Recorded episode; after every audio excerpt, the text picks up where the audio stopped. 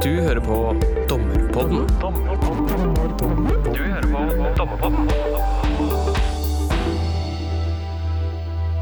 Velkommen til denne episoden av Dommerpodden. Mitt navn er Ragnar Lindefjell. Jeg er dommer i Oslo tingrett og vert for denne episoden. Podkastredaksjonen har fått et tips fra en av våre informanter ved Universitetet i Bergen om at professor Hans Petter Graver er aktuell med en ny bok i disse dager. Den eh, har tittelen 'Okkupasjonstidens høyesterett'.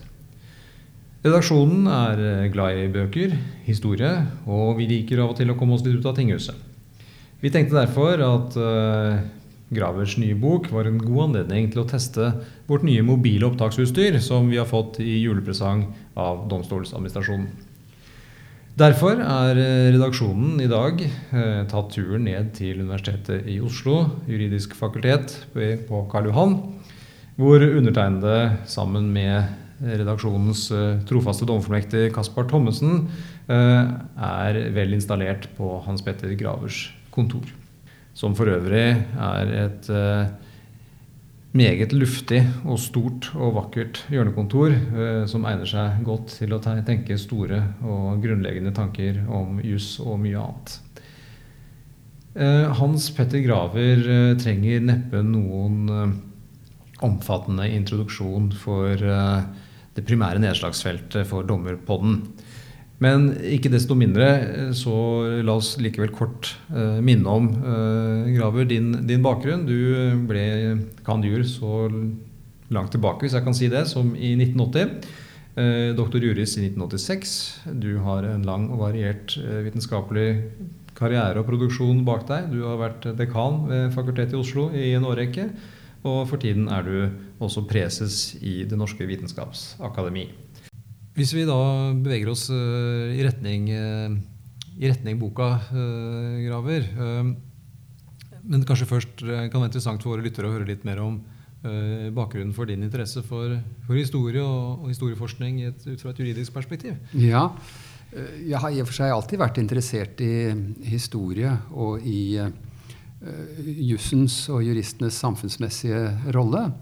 Eh, men eh, det var kanskje særlig mens jeg var dekan ved fakultetet her, at jeg eh, tenkte at det var en viktig oppgave for meg å både bevisstgjøre meg selv og studentene og juristfellesskapet i videre forstand på de spørsmål som knytter seg særlig til juristenes ansvar som håndhevere av statens maktapparat. Eh, og det gjorde at jeg var Jeg ble interessert i å, å se på situasjoner hvor uh, det blir stilt særlige utfordringer til uh, slike øvrighetspersoner. Og det ledet meg jo til uh, okkupasjonstiden i Norge. men også mer generelt til de autoritære samfunnene, som, eller styresettene, som vi hadde i Vest-Europa under det 20. århundre. Altså de nazistiske og fascistiske diktaturene. Og, og, nå så leder du også et, et, prosjekt har jeg forstått, som heter 'Domstolens bristepunkt'. Om dommerne når rettsstaten er under press. Det kan være interessant også for lyttere å høre litt om, om, det før vi går inn i historien. Ja, for det, det, det springer altså ut av, av, den eh, forskningen som jeg begynte på når det gjelder uh, Nazi-Tyskland og, og, Norge under okkupasjonen. Uh, og Eh, hvor jeg da tenkte at det er interessant å samle opplysning om domstolenes og juristenes rolle under forskjellige betingelser. Og, dette prosjektet skal da sammenligne situasjonen for domstolene og dommerne i de vesteuropeiske landene under nazistiske og fascistiske diktaturer, og de østeuropeiske landene under kommunisttiden. Og, og tanken er egentlig å få mer kunnskap dels om uh, hvor eh, robuste de juridiske institusjonene er, og hvor, uh, hvor uh, i hvilken grad de klarer å beskytte de rettsstatlige verdiene når de blir satt veldig under press. og også å se på hvordan autoritære makthavere benytter seg av rettsapparatet og eventuelt går rundt det. og grunnen til at jeg syns dette er interessant, er jo fordi vi ser kanskje tilsvarende tendenser i i land rundt oss i dag, slik at dette også er aktuelle spørsmål. Da. Hva, hva er status i dette prosjektet nå? Kan man, når kan man forvente det, å kunne øse av den kunnskapen som blir samlet inn? Ja, nå har vi akkurat rekruttert medarbeidere. Så ja. det kommer en fra Polen, og en fra Slovakia og en fra Ungarn som kommer til å arbeide her nå de nærmeste årene sammen med meg. Så kanskje om et år eller to så har vi nok en del å fortelle fra prosjektet. Ja, Spennende. Og I mellomtiden så kan vi jo da lese om okkupasjonstidens høyesterett, eh, som jo for så vidt er tema for, for denne samtalen. Um, la oss starte med, med begynnelsen, uh, egentlig, i 1940. Uh, de fleste av oss har kanskje en forestilling om at det, det utspant seg noe dramatisk rundt Høyesterett i, i, den, i de, de, dager. og at Høyesteretts dommere på et eller annet tidspunkt nedla sine embeter, og det ble oppnevnt en såkalt kommissarisk høyesterett etterpå. Um, men uh, her er det en, en, veldig fascinerende og dramatisk historie rundt. Uh, kanskje du kan liksom slå an tonen for oss litt her, hva er det som skjer eh, rundt Høyesterett etter 9.4? Ja, altså Høyesterett fikk jo en veldig spesiell stilling etter uh, tyskernes invasjon. Som kan si den eneste gjenværende av de tre statsmaktene etter at tyskerne kom. Og det betydde at Høyesterett og høyesterettsjustitiarius Paul Berg fikk en veldig sentral rolle også i utviklingen av et sivilt norsk styre under okkupasjonen og i forhandlingen med tyskerne i de første månedene. Nå brøt disse forhandlingene sammen i september, da Reichskommissær Terboven forbød alle politiske partier, unntatt Nasjonal Samling, og eh, vedtok en rekke forordninger som eh, grep inn i eh, styret av Norge. Og dette oppfattet Høyesterett som et spørsmål hvor de tyske okkupasjonsmaktene gikk langt utenfor de fullmakter som en okkupant har etter reglene i krigens folkerett. Fordi det, det kanskje er et interessant spørsmål for oss dommere.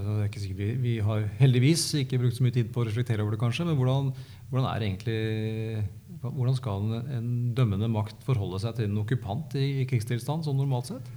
Altså, I utgangspunktet så skal ikke en okkupasjon berøre domstolenes stilling. Fordi okkupanten eh, har rett til å gi lovgivning for å beskytte sine interesser og for å opprettholde uh, lov og orden.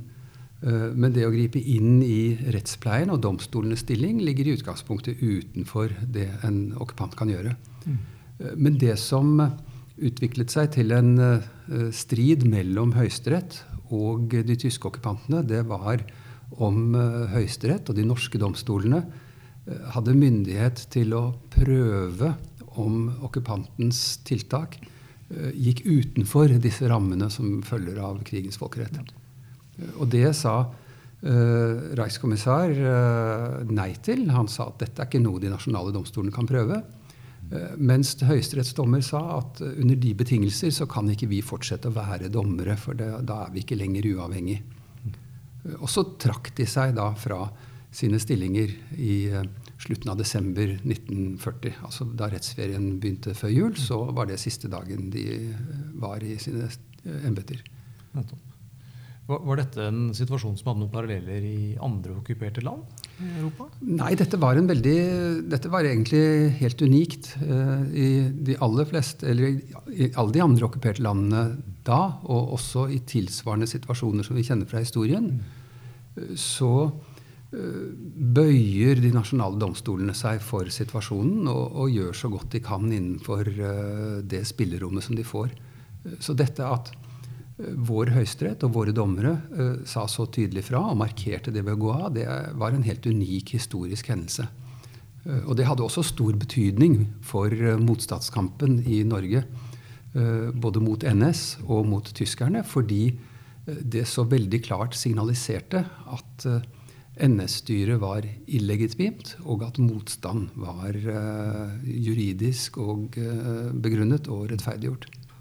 Har du noen hypotese om hvorfor det var slik? At uh, norske høyesterett tok det standpunktet, kanskje, og andre ikke gjorde det? det Nei, jeg tror nok at mye av forklaringen ligger i den uh, tross alt politiske rollen som uh, Høyesterett fikk allerede fra aprildagene. Som uh, kanskje gjorde at eh, For dette var jo en politisk handling, det var jo ikke en dommerhandling. Og det var ikke tilknytning til en konkret sak. Eh, Så jeg, så jeg tror kanskje mye av forklaringen ligger der. Og hva skjer så da når eh, dommerne legger ned sine embeter? Hva gjør, hva gjør okkupasjonsmakten da for å stable en, en ny høyesterett på beina?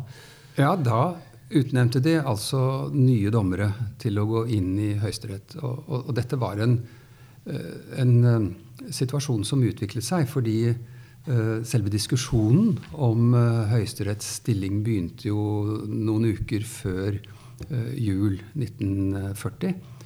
Eh, Og eh, den kommissariske statsråden Risnes, som eh, var utnevnt av Terboven, han begynte allerede i november med en tanke om at han ville skifte ut deler av Høyesterett og erstatte den med dommere som ville bøye seg for at de ikke kunne overprøve de forordningene som okkupanten ga.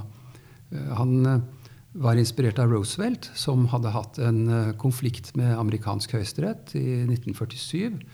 eh, Hvor eh, situasjonen var at man hadde en veldig konservativ høyesterett som underkjente all lovgivning som Kongressen ga for å få USA ut av den økonomiske depresjonen.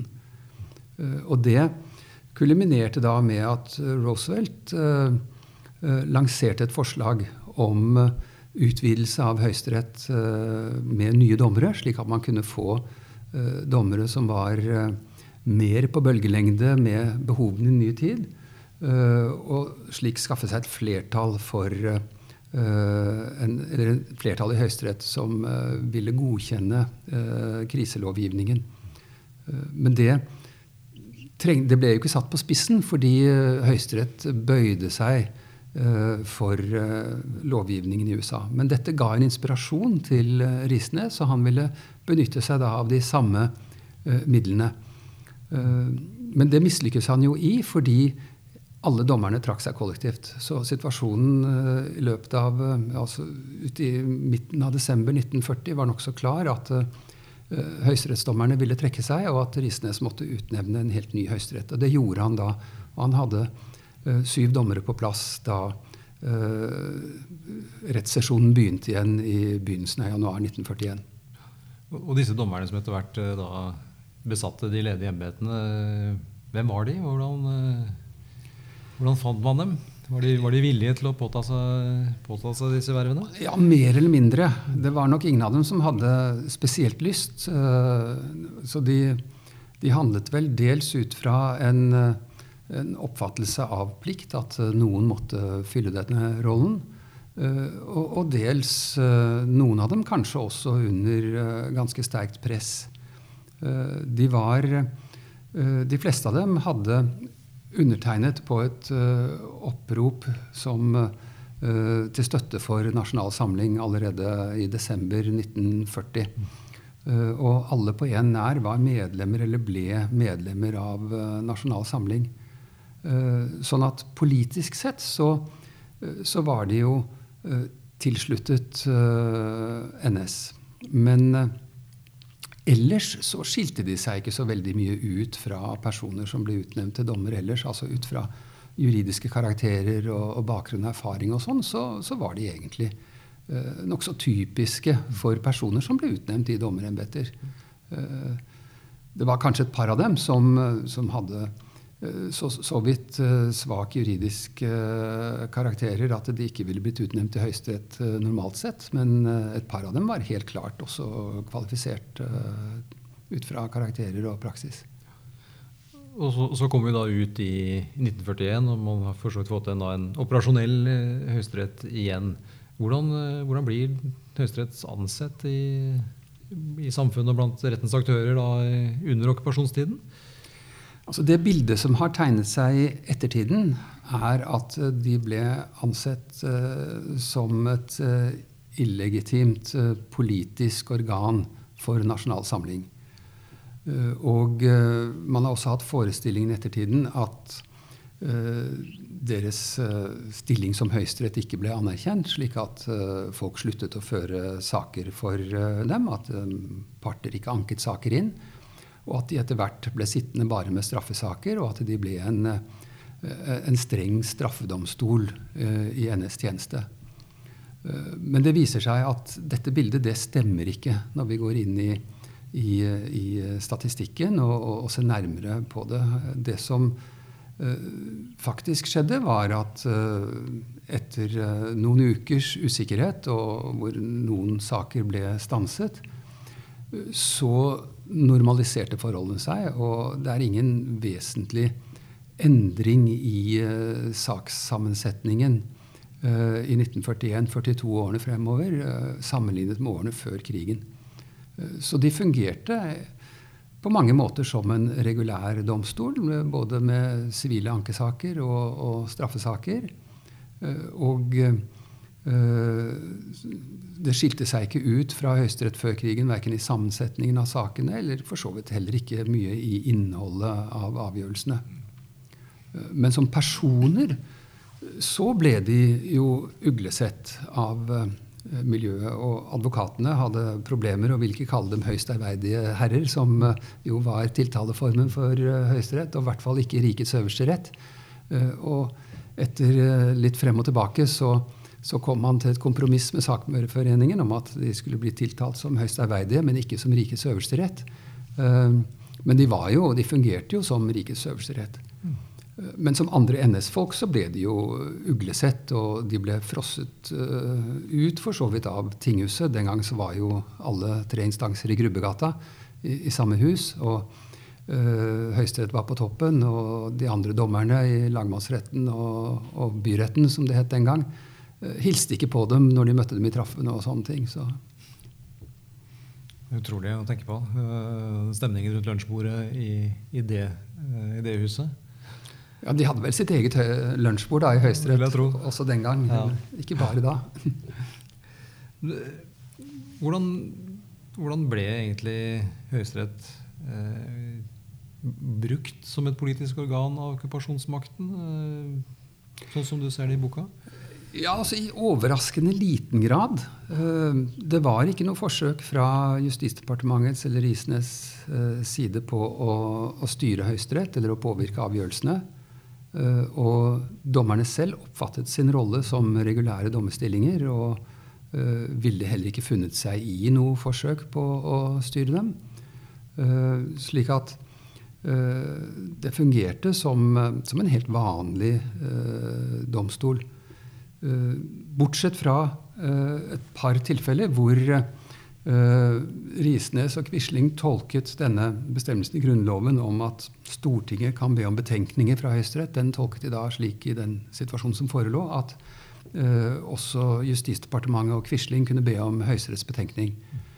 Og det gjorde de i et par tilfeller. I det første tilfellet så ville Quisling ha en uttalelse fra Eh, Høyesterett om eh, at Stortinget ikke lenger var lovlig sammensatt fordi valgperioden var eh, utløpt. Men han trakk denne forespørselen om å få en betenkning da han fikk en foreløpig orientering fra justisiarius om at Høyesterett nok ville mene at Stortinget under de forutsetninger som da forelå, kunne forlenge sin funksjonstid. Slik at det kom aldri noe uttalelse om det spørsmålet fra Høyesterett. Det andre gangen han ba om en uttalelse, det var eh, i forbindelse med uh, at Quisling dannet en såkalt nasjonal regjering i februar 1942 ved den såkalte riksakten. Uh, der var det spørsmål til Høyesterett om det var noen konstitusjonelle betenkeligheter ved at Nasjonal Samling navnet en regjering. Og Høyesterett ga en kort uh, uttalelse om det, hvor de sa at ikke de så noen konstitusjonelt i veien for det. Og med dette så eh, satte jo Høyesterett seg i den situasjonen at de ga en støtte til det som var helt klart et statskupp og et uh, brudd på Grunnloven. Um, noe som kanskje opptar uh, jurister litt også, det er jo hvordan forholder man seg egentlig til dommene som ble avsagt under, under okkupasjonstiden? Man kan jo tenke seg det i flere relasjoner. En er jo rettskraftsvirkninger overfor parter, f.eks. Andre, Mm. andre er mer eh, juridisk innfallsvinkelen eh, om prejudikatsverdi av, av høyesterettsdommer under okkupasjonen. Eh, skriver du noe om det også i boka? Ja, og det, det er jo to veldig forskjellige spørsmål. Mm. når det gjelder rettskraftvirkningen, så fikk vi allerede i 1945 en såkalt restitusjonslov, som sa frakjente enhver rettskraftsvirkning fra dommer som er avsagt av tyske domstoler i Norge. Ja. Eh, Og der regnet man også den såkalte folkedomstolen, eh, som jo hadde norske dommere, som tysk domstol. Ja, kanskje, kanskje vi kunne dra oss eh, raskt gjennom det også, for her eksisterer det egentlig to parallelle systemer under okkupasjonen. Hvordan, hvordan fungerer dømmende, dømmende makt i Norge under krigen? Ja, man hadde altså, Dels så hadde vi jo de vanlige domstolene intakt, og, og med Høyesterett på toppen, men da med nye dommere. Eh, Så fikk man et eget eh, rettsapparat til å behandle politiske straffesaker. Og, og det dreide seg om alt fra, eh, fra altså motstanden, sabotasje og angrep og illegale aviser og politisk aktivitet. Alt fra veldig alvorlige handlinger som involverte at folk ble drept og, og ting ble sprengt, eh, til de helt uskyldige tingene med at folk gikk med binders i knappenålen eller eh, nektet å, eller snistirret på NS-folk på trikken og, og sånne ting.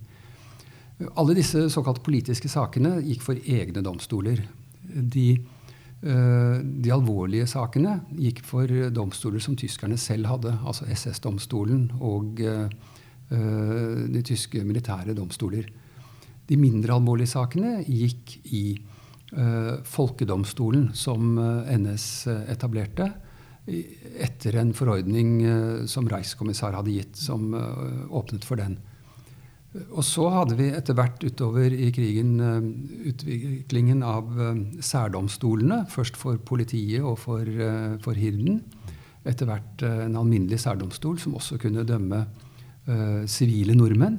Eh, Og som ble brukt, og som uh, ila dødsstraff uh, i en del tilfeller, uh, del kjente tilfeller. Eh, Og disse, men, men det, var bare, det var ikke bare denne typen saker som særdomstolen hadde. Den dømte også i, i saker hvor folk utnyttet, utnyttet bomangrep og sånne ting til å, til å stjele og begå innbrudd, og, eller eventuelt mørkelegging til å begå kriminalitet. Uh, også denne typen saker ble dømt, pådømt i særdomstolene. Uh, og etter denne restitusjonsloven da, som ble gitt, så, så ble alle disse dommene som var avsagt av de tyske domstolene og av folkedomstolene og særdomstolene, de uh, ble eh, kjent eh, uten rettskraft. I noen tilfeller så ble det da reist ny straffesak, for det var jo også etter eh, vanlige regler eh, en kriminell handling å, å gå inn i et nedbombet hus og tilegne seg verdiene der, f.eks. Så vi har eksempler på at eh, personer som var straffet av særdomstolene, ble tiltalt og straffet på nytt igjen etter krigen. Men de måtte altså gjennom en ny prosess da for det. Når det gjaldt dommer som var avsagt i de vanlige norske domstolene, og også i Høyesterett, så skilte restitusjonsloven mellom Eller gjorde av betydning eh, om dommen var avsagt av en dommer som var medlem av Nasjonal Samling. Eh, Hvis eh, dommeren var medlem av Nasjonal Samling, så var det adgang for partene til å kreve saken gjenopptatt. Og den ville da kunne bli gjenopptatt dersom det var grunn til å tro at dommerens politiske innstilling hadde påvirket avgjørelsens innhold. Eh, Og det var en håndfull av eh, de sivile sakene i Høyesterett hvor partene begjærte eh, gjenopptaking på det grunnlaget. De var jo medlem av Nasjonalsamling, alle dommerne der, så det gjaldt jo i og for seg alle dommene til den kommissariske Høyesterett. Men med ett unntak så kom Høyesterett til at dommen ikke var påvirket av den politiske innstillingen til dommerne. Slik at de ble stående. altså 99,9 av eh, avgjørelsene til okkupasjonstidens høyesterett ble stående også etter med rettskraftvirkning. Men når det gjelder prejudikatsvirkningen, Ja. så var innstillingen eh, den eh, at eh, dette ikke var en eh, ikke kunne anerkjennes som en prejudikatsdomstol eh, på linje med Høyesterett. Og det finnes ingen tilfeller, tror jeg, hvor uh, Høyesterett senere har uh, i det hele tatt vist til en avgjørelse som ble avsagt uh, av okkupasjonstidens høyesterett. Når det gjelder underordnede domstoler og juridisk teori, så er ikke bildet fullt så konsekvent. Der kan man nok finne at, at det har vært henvist til avgjørelser. Om de er blitt tillagt samme type eh, predikatsvekt som andre, det er jo veldig vanskelig å, å si. ikke sant? Men dette er vel et utslag av at uh, jurister de, de, tar de argumentene der de kan finne dem. ikke sant? det, hvis, man, hvis man da skal flytte perspektivet litt, litt framover til å gå mot slutten her av, av krigen Eh, hvordan går det med, med dommerne i den kommissariske høyesterett etter, etter, at freden kommer? Etter frigjøringen så ble de jo arrestert alle sammen. Eh, og eh, de ble tiltalt, og de ble straffet for landssvik. Og det var særlig to ting som ble sett på som alvorlig landssvik. Det ene var det å akseptere en, denne stillingen som dommer i Høyesterett under de betingelsene.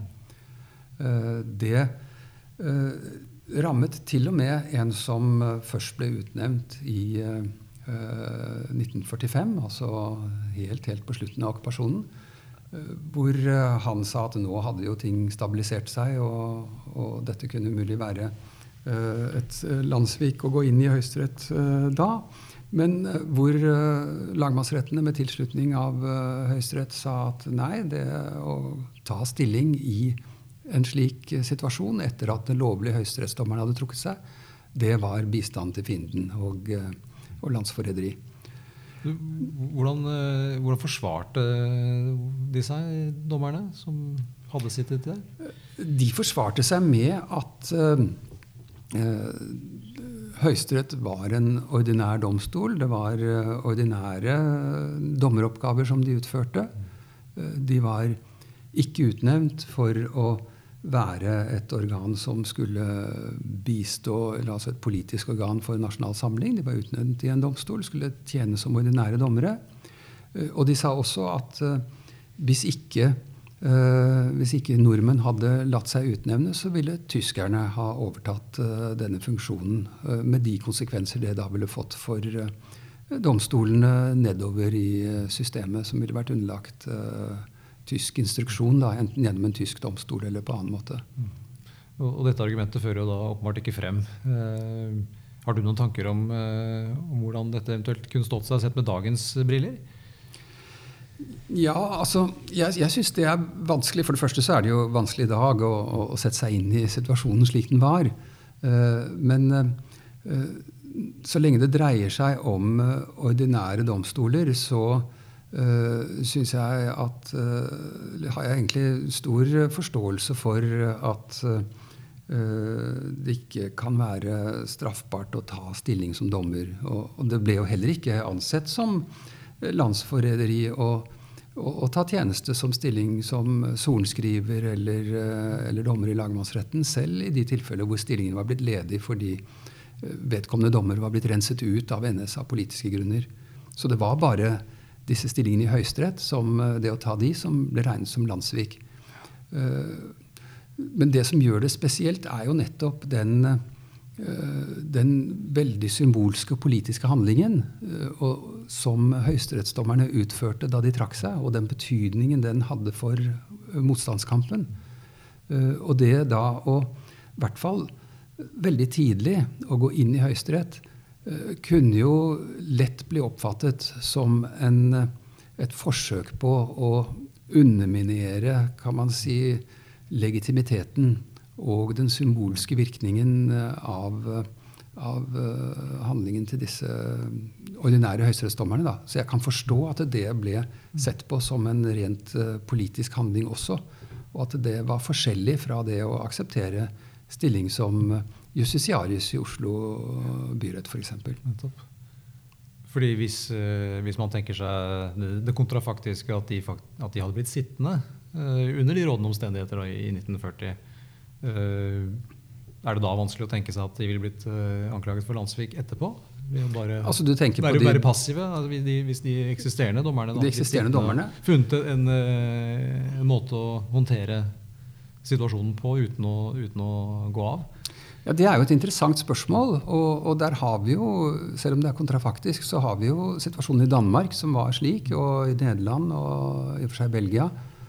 Eh, hvis vi går til Danmark, så ble jo Høyesterett der sittende, og, og, de måtte administrere lovgivning som, uh, som uh, var gitt for å imøtekomme tyskernes krav og behov. Uh, og de var uh, høyesterettsjustitiarius, eller presidenten i i Danmark var med på å skrive utkast til loven om internering av kommunistene f.eks., og, og som da Høyesterett senere fikk til prøvelse, og som de godkjente. Uh, Høyesterett i Danmark fikk uh, kritikk, og Justitiarius fikk kritikk etter, etter frigjøringen. Men ellers så påvirket det jo ikke deres stilling. og jeg tror også kontrafaktisk at hvis dommerne fra før 1940 hadde blitt sittende, så hadde nok ikke praksis vært så veldig forskjellig. Jeg, jeg tror nok også at de ville blitt tvunget til, ut fra situasjonens krav, og godkjenne okkupasjonens lovgivning. Fordi det nytter ikke å være dommer og samtidig nekte å anerkjenne legaliteten til de som gir lover i landet. Du kan ikke være dommer og samtidig mene at uh, styret er illegitimt. Så, så, hvis du mener det, så må du trekke deg. Og hvis du blir sittende, uh, så må du egentlig tenke at ok, da generelt sett så anvender jeg er med på å anvende gjeldende rett. Og så kan man jo tenke seg i enkelte situasjoner at man gjør det man kan for å tolke ting innskrenkende osv. Hvordan uh, Nå har vi vært litt inne på det, kanskje, men altså, oppgjøret med de dommerne som da satt i den kommissariske høyesterett. Hvordan står disse dommene seg i ettertid, sånn som du ser det? Ja, de, de, ble jo behandlet uh, på en måte altså De ble jo behandlet individuelt, for det er forskjell i den straffen de fikk. Uh, men allikevel så tror jeg kanskje de ble skåret litt mye over én kam. jeg tror nok at noen av dem kanskje fikk strengere straff enn de egentlig fortjente. Mens andre av dem kanskje hadde fortjent en strengere straff enn det de fikk. Jeg tror f.eks. at altså Justitiarius mor fikk livsvarig fengsel. og det, det, Ut fra situasjonen som den var, så, så mener jeg det var forståelig. en av de andre som var veldig aktive, Arnvid Vassbotn han fikk uh, ikke livsvarig. Uh, jeg tror nok kanskje at hadde man sett nærmere på hans uh, rolle i særlig statskuppet, burde man kanskje ha tillagt større vekt. Så, så jeg syns nok kanskje at han slapp billig. Jeg tror han slapp billig fordi han fikk så veldig gode skussmål. Altså, han var en superdyktig jurist. og det ble liksom lagmannsretten sa at han var forledet av sitt juridiske skarpsindighet, og at han ikke var ondsinnet. Jeg tror kanskje han var litt mer ondsinnet enn det, det lagmannsretten ga uttrykk for. På den annen side så har man da personer som, en, som het Konstad, som var tilsvarende UDI-sjef før krigen, altså sjef for sentralpasskontoret, som uh, etter mitt syn gjorde Eh, mye for eh, å hjelpe jødiske flyktninger både før og eh, under okkupasjonen. Blant annet så 9. april, istedenfor å flykte fra byen, som mange gjorde, så brukte han og hans medarbeidere tiden på å rense arkivene for opplysninger om flyktninger fra Tyskland og andre land under tysk okkupasjon. For å hindre at tyskerne fikk tilgang i, til dette materialet. Eh, og, og, det eh, fikk han eh, problemer med.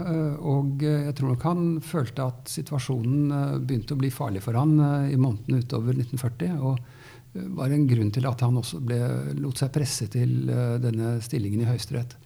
Og jeg syns nok kanskje at, at den straffen han fikk, var ganske streng altså i forhold til Han fikk lite kreditt for kan man si, Eh, det gode han gjorde. Hva, fikk, hva, var den gjengse straffen for, eh, for dem? Altså Mor fikk livsvarig, de andre Ja, De lå på en skala fra livsvarig til seks år. Så, Ja. og så ble de jo fradømt uh, rettigheter, slik at uh, de, de, mistet advokat- eller sakførerbevillingen, som det het. og sånn. Og fikk de uh, dette tilbake stort sett på begynnelsen av 50-tallet. men de var jo også uglesett, så det var jo ikke lett for dem å etablere advokatpraksiser og sånn på nytt igjen. Selv om et par av dem Eh, ble ganske fikk ganske blomstrende praksis og, og, gjenopptok en praksis som høyesterettsadvokater og førte mange saker i Høyesterett på slutten av 50-tallet og 60-tallet.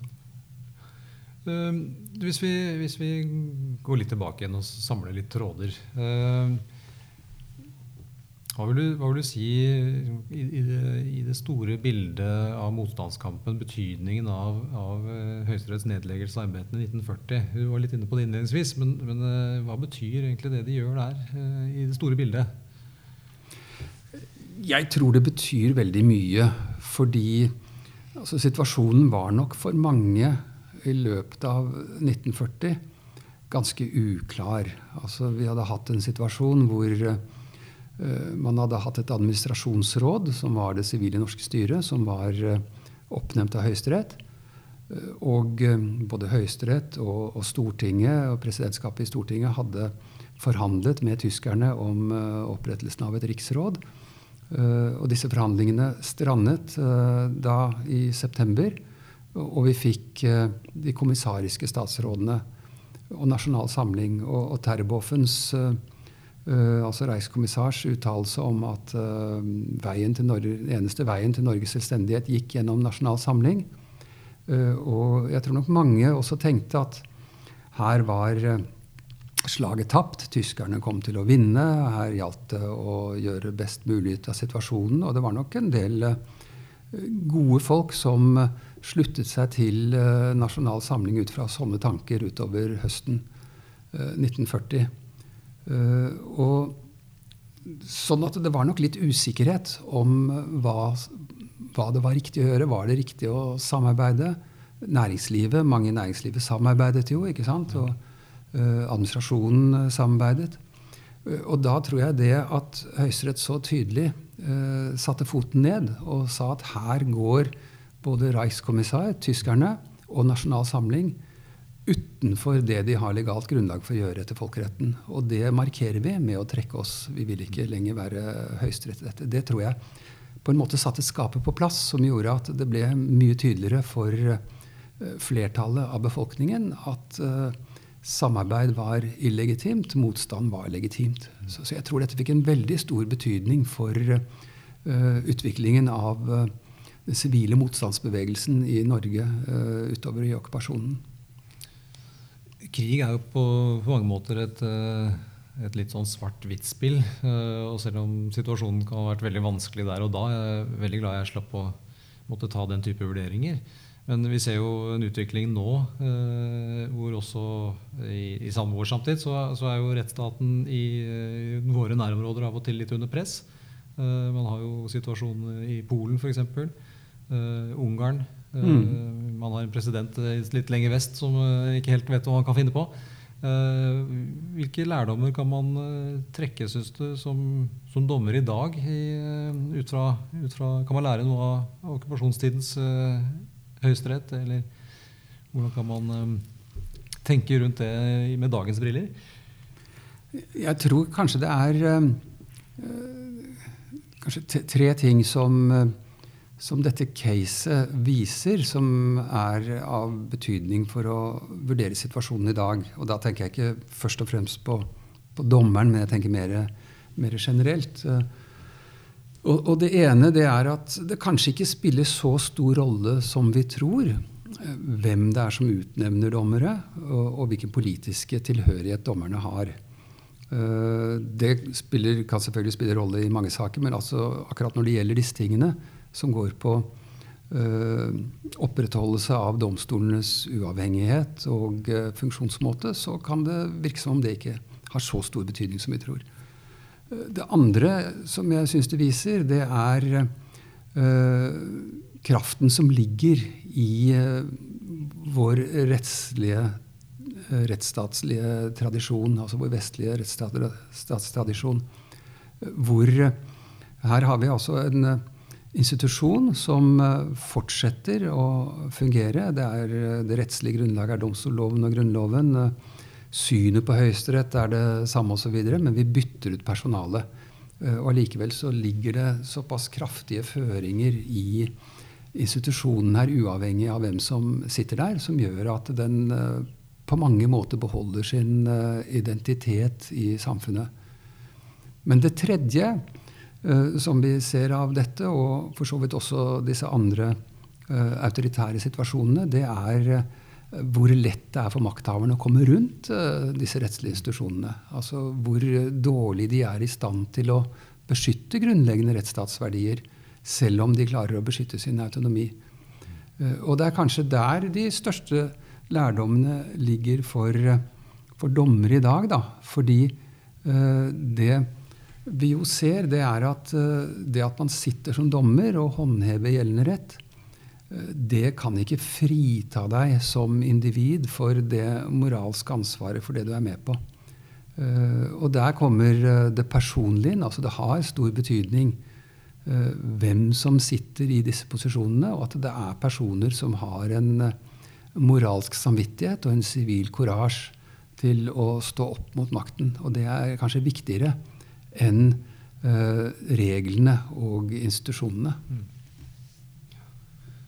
Er det, hvilke faresignaler som skal man se etter som, som dommer, syns du, i, når, det begynner å bli, når det begynner å bli hett rundt ørene på oss? Er det, er det noen signaler man kan noen symptomer på, på, ting som skjer i samtiden, som, eh, som gjør at vi bør være ekstra overvåkne?